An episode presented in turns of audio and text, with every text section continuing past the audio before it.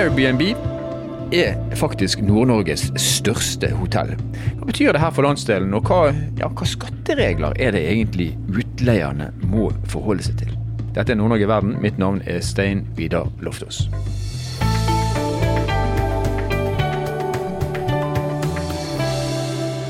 Senere i eh, sendingen skal vi snakke med divisjonsdirektør i Skatteetaten, Marta Johanne Gjengedal. Men før det, pandemien er nå så godt som over i Norge. Eller vi kan kanskje si den er over. Og turistene de har eh, begynt å vende tilbake igjen, sakte, men sikkert. Og I Tromsø kommune så er det altså leid boliger og rom gjennom Airbnb for nærmere 100 millioner kroner. Det er det tall fra telleren på Kunnskapsbanken som viser. Og Nå har vi med oss reiselivssjef i Tromsø. Tromsø-regionen, kan vi kanskje si. Lone Helle. og Velkommen til oss, Lone. Hei, takk. Du, Reiselivet og Airbnb der er jo en, en, en, tett kobling, selv om kanskje ikke alle anerkjenner det. Men inntektene til de som driver med utleie gjennom Airbnb, det skyter i været. Og for deg som reiselivssjef, er det gledelig, eller? Ja, det er jo gledelig at det kommer folk til regionen, eh, og at de eh, bruker tilbudene som er i byen. Nå er det jo sånn at Airbnb har bidratt til at vi kan ta imot flere besøkende i perioder der hotellene f.eks. har vært fullboka. Mm. Og det har jo også gjort at aktivitetsleverandørene har kunnet selge mer i de periodene. Mm. Men så kommer man jo ikke unna til fordeler og ulemper med Airbnb. Eh, men delingsøkonomien, den, eh, den, den er her, så den må vi på en måte lære å leve med. Men du sier at det, det, altså det, er et supplement i de tidene der det er fullt på hotellene. Men så kan det jo også være en hard konkurrent for hotellene i de, i de tidene det er færre turister enn det er hotellrom. Hvordan er samarbeid eller sameksistensen mellom eh, hotellnæringen og Airbnb? Det er et ganske godt spørsmål. Hvis vi ser på, eh, på økninga på Airbnb i Tromsø-regionen de siste årene, så har det jo blitt en stor konkurrent. Ja. Eh, antall solgte rom på Airbnb og hoteller, eh, da er det tre av ti overnattinger på Airbnb i 2019. Så det er jo ganske mange. Tre av ti. Tre av ti. Ja. Samtidig så er det jo sånn at uh, mange gjester hadde ikke kunnet kommet hit uh, hvis ikke vi hadde hatt det tilbudet, fordi det har vært for lite kapasitet på hotell i Tromsø i høysesong. Så det er jo positivt. Og så er det jo sånn at ute i regionen eh, så er det kanskje ikke så mange overnattingstilbud. Eh, så der er det jo en mulighet for folk å være. Eh, så det gir jo både muligheter, men også noen utfordringer. F.eks. at hvis det blir for mye utleie i en by eller i en region, så kan det jo påvirke utleiemulighetene for folk som trenger det over tid, som studenter og lokalbefolkning.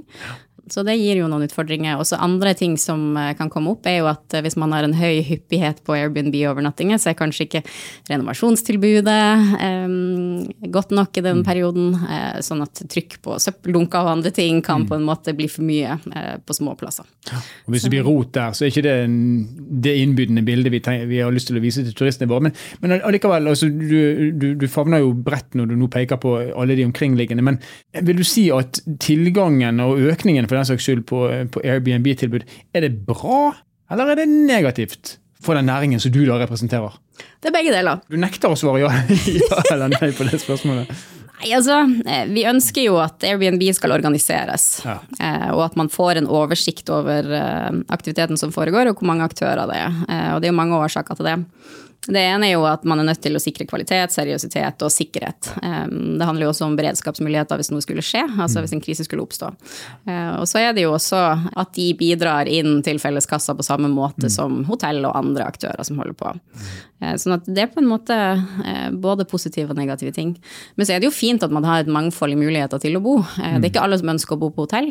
Og også hvis man ser på priser på Airbnb, så har de jo hele spekteret. Man kan jo få muligheten til å overnatte på noen virkelig fantastiske steder gjennom Airbnb.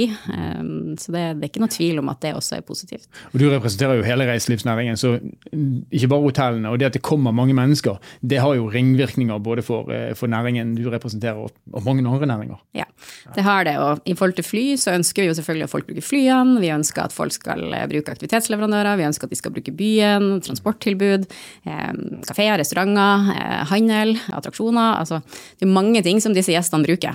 Og så er de selvfølgelig en konkurrent til hotellene. Men så det er også et supplement eh, når vi ikke har kapasitet, eh, eller hvis gjestene ønsker å bo på andre måter. Det er jo folk som kommer med campervans og telt og altså det er mange former for, for uh, Mange måter å komme på. Mange mm. måter å overnatte på. Så um, Ja.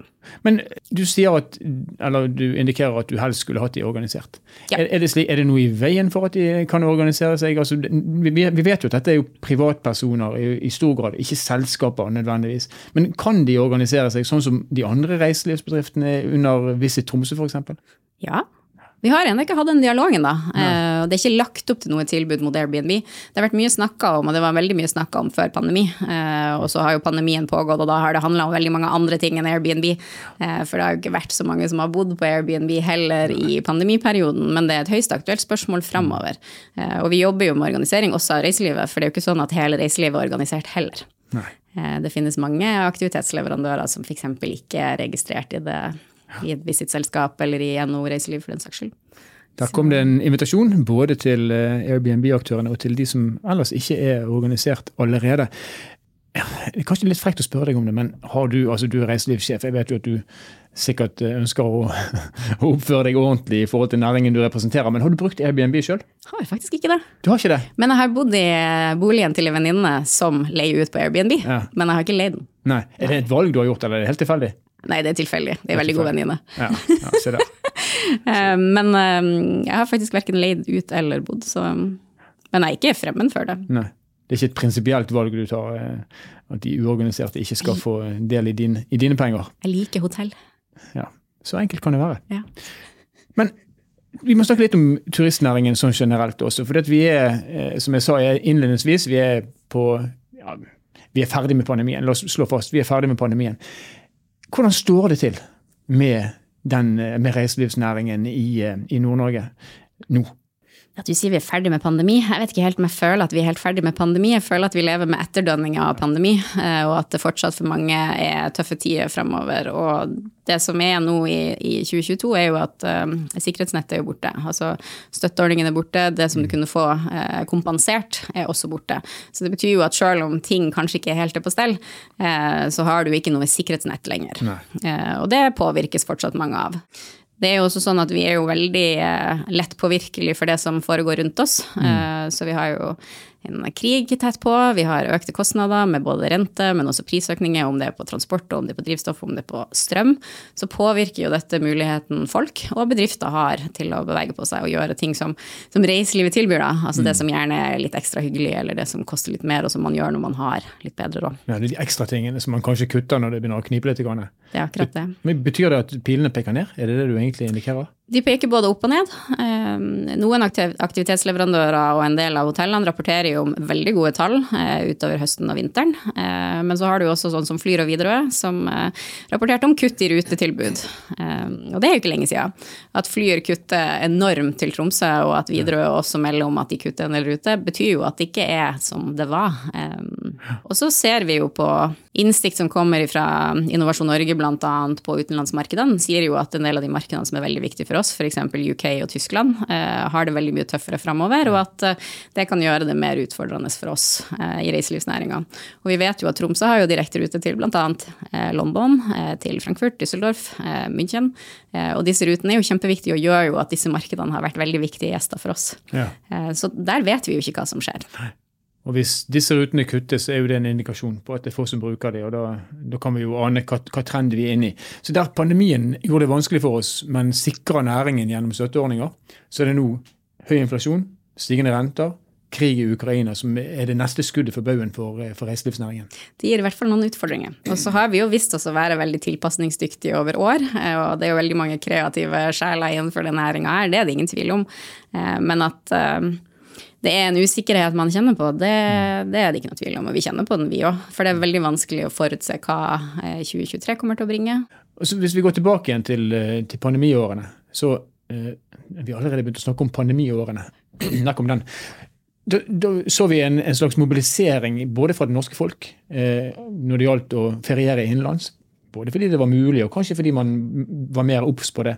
Tenker dere at det samme vil skje nå når de turistene som har kommet fra utlandet, kanskje blir eh, færre? Vi får jo håpe det. Jeg tror veldig mange har oppdaga muligheter lokalt, eh, og tilbudene man har lokalt på en annen måte. Og jeg tror kanskje folk også eh, ser på egen økonomi her, eh, og kanskje tenker nærmere opplevelser. Ja. Om det er i, i, regionen, eller om det er i landsdelen, eller om det er innenfor landegrensen, eller om det er i altså, Skandinavia. Mm. Så er det ikke noe tvil om at nærmarkedet kommer til å bli viktig for oss fremover. Og det er jo også et bærekraftperspektiv. Jo flere som kommer nært ifra, jo bedre er det jo med tanke på reise og utslipp og sånn som følger med. Men fokuset på eh, viktigheten av å bruke lokalt, den, eh, den, tror jeg vi har lært noe av i, i pandemien, og den tror jeg kanskje sitter. Ja, så man, man, gikk ikke rett tilbake når pandemien slapp taket og gjorde all markedsføring mot Tyskland og UK og, og de landene som over år har vært viktige for oss? Nei, vi tenker veldig mye mer lokalt også enn det vi har gjort før. Og det norske markedet og nærmarked. Og eh, kanskje må vi tenke to tanker samtidig. Fordi vi kan jo fokusere både i Norge, eh, men også i Europa og selvfølgelig lenger unna. Men vi vet jo at Nord-Norge var synonymt med nordlysturisme i, i ganske mange år. Er det nordlysturistene som nå vender tilbake? Ja, det er jo også altså, de reisende til Tromsø er jo også yrkesreisende nordmenn. Eh, og veldig mye av aktiviteten som foregår på hotell utover høsten, er jo bedriftsrelatert. Kurskonferanser mm. og andre typer arrangement. Men vi ser også at det er mange nordlysgjester tilbake. Ja. Så det er en kombinasjon. Ja. Og med fare for at du igjen kommer til å svare både og. Når du ser på fremtiden, både den nære og den litt mer fjerne fremtiden, er du positiv, er du optimist, eller eh, er du det motsatte? Er vi optimist? Er vi optimist. Ja, ja. Og for alle de turistene som lurer på om de skal komme til Nord-Norge, kom, kom. Her er mye å by på. Tusen takk for at du kunne være med oss eh, og snakke om eh, Airbnb og mye annet, reiselivssjef Lone Helle i Visit Tromsø-regionen. Takk.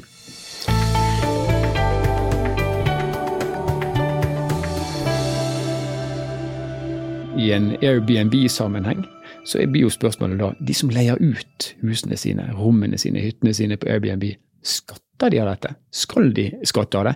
Det skal vi få litt innsikt i nå. Vi skal nemlig snakke med Marta Johanne Gjengedal, som er divisjonsdirektør i Skatteetaten.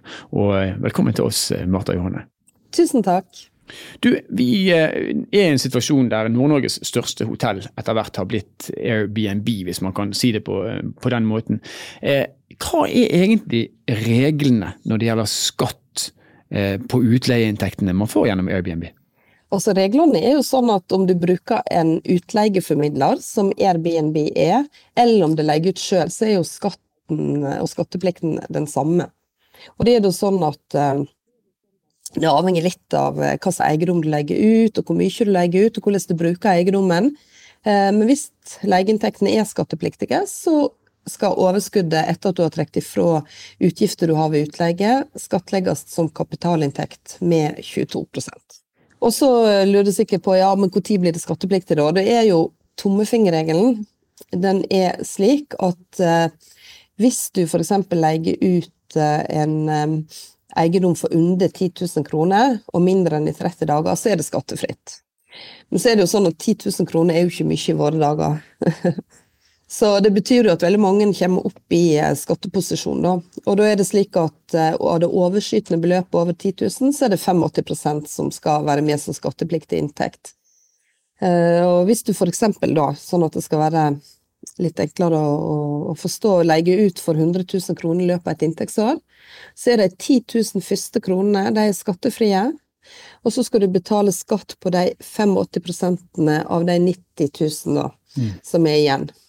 Og det blir eh, 76 500 kroner, som da er skattepliktig. Og så skal du betale 22 i skatt, og da blir det ca. 17 000 kroner i skatt på 100 000 i leieinntekter. Og så blir det litt mindre da hvis du har fradragsberettiga utgifter, som kan være sånn type vedlikehold som du har av utleieleiligheten.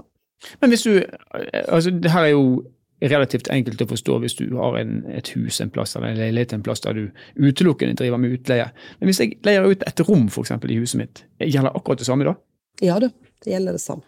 Nå er, jo, nå er jo ikke Airbnb noe nytt, det har jo vært i noen år, men det er jo ikke kjempegammelt. Dere fra skatteetaten sin side som følger med på hvordan folk eh, tolker regelverket, har du et inntrykk av at de som driver som utleiere, skjønner disse reglene? Vi har jo um, en veldig høy skattemoral i Norge. Eh, og det er jo vi veldig glad for, fordi at de aller fleste ønsker å følge regelverket. Eh, og det som ofte er, jo at en kanskje ikke tenker over at det er skattepliktig, fordi at det er, eh, at det er små beløp, ikke sant? Og at det er noe som en gjør sånn tilfeldig. Det er ikke sånn at en driver det som en type næringsinntekt eller som en mm. fast inntektskilde som en har, men at en leier ut sånn nå og da, for å si det på den måten. Så ofte er det jo det at en ikke er tenksom nok som gjør at en eventuelt ikke oppgir det, eller ikke er klar over regelverket. Da. Mm. Men vår eh, opplevelse er at eh, skattemoralen er høy, og at når vi er ute og informerer om dette regelverket, som vi har vært en del uh, både tidligere i år og i fjor, så er um, de utleierne som driver med det, veldig flinke til å spørre oss og føre opp i skattemeldingen sin. Og for inntektsåret 2020, da, da rapporterte jo disse utleierne inn utleieinntekter for over 11,5 milliarder kroner. Så det er jo en betydelig eh, sum inn i eh, statskassa som kommer herifra, og opplever at, at de som leier ut, er opptatt av å, å betale den skatten som de er pliktige til å betale. Og Hvis vi da skal snakke om de som ikke gjør det, for vi må jo anta at de finnes også. Hva virkemidler har dere i skatteetaten for å, for å avdekke da manglende innrapportering? Nå skal jeg ikke gå for altfor detaljert inn i kontrollarbeidet vårt, selvsagt, men det er klart at vi eh, får jo stadig mer opplysninger fra det vi kaller for tredjepart. Altså disse utleierne, sånn, utleieformidlerne, sånn som Airbnb f.eks. Eh, de ble jo i 2020 pliktig til å rapportere inn til oss eh, utleievirksomhet på som vi da registrerer på den enkelte skattepliktige. Og der er det jo sikkert mange som har opplevd da i år at når de går inn i skattemeldingen sin, eh, så eh, får de en informasjon der vi viser at vi har fått informasjon om at du leier ut, eh, og da kan du godkjenne den størrelsen i forhold til at du legger det inn i skattemeldingen din. Og den uh, funksjonen er jo veldig viktig for at de som har glemt det, eller som ikke er klar over det, faktisk får informasjon om at vi vet uh, at du har lekt ut, så vær så snill å, å oppgi det. Så det er en viktig viktig um, prosess som vi bruker. Ellers så har vi jo kontrollaktivitet utover det, og vi har jo god dialog med utleiemeglerne, og vi følger jo med i lokalsamfunnet og i uh, samfunnet ellers på hva som rører seg, og vi er hyppig ute og informerer f.eks. på områder der vi ser at det er deler av landet som, som uh, har økt aktivitet på ulike, mm. uh, ulike arenaer i forhold til sånne utleie Eh, objekt. Og så, ja, så har vi òg eh, god gammeldags kontroll som vi driver med, så vi har mange virkemidler vi kan bruke. Og så er det jo òg sånn at hvis vi oppdager at noen ikke har ført det opp og er klar over regelverket, så, eh, så er det jo tilleggsskatt som vi ilegger. Skattemoralen er høy i Norge, det skal vi være glad for. Og mye er jo takket være den jobben som eh, skatteetaten gjør. Tusen takk skal du ha for at du kunne være med oss, Marta Johanne Gjengedal, som er divisjonsdirektør da i nettopp skatteetaten. Takk for at jeg fikk komme. Så Airbnb er altså det største hotellet i Nord-Norge, hvis man kan si det på den måten. Og så har det kanskje vært slik at eh, man i, hvert fall i tidlig fase var litt sånn frykta fra hotellnæringen. Eh, at man skulle ta over turistene. Etter hvert så ser vi at Airbnb er blitt et helt nødvendig supplement. Og vi vet at i dag så er det mange av spesielt de mindre reiselivsbedriftene som bruker det også som en markedsføringskanal. Og når turistene kommer tilbake til Nord-Norge og de bare øker i tall, så er Airbnb viktig, kommer til å bli enda viktigere. Nord-Norge verden er en podkastserie som er produsert av Sparebank1 Nord-Norge i samarbeid med Helt Digital. Musikken du har hørt er laga av Emil Karlsen. Mitt navn er Stein Vidar Loftaas. Vi høres igjen i neste episode.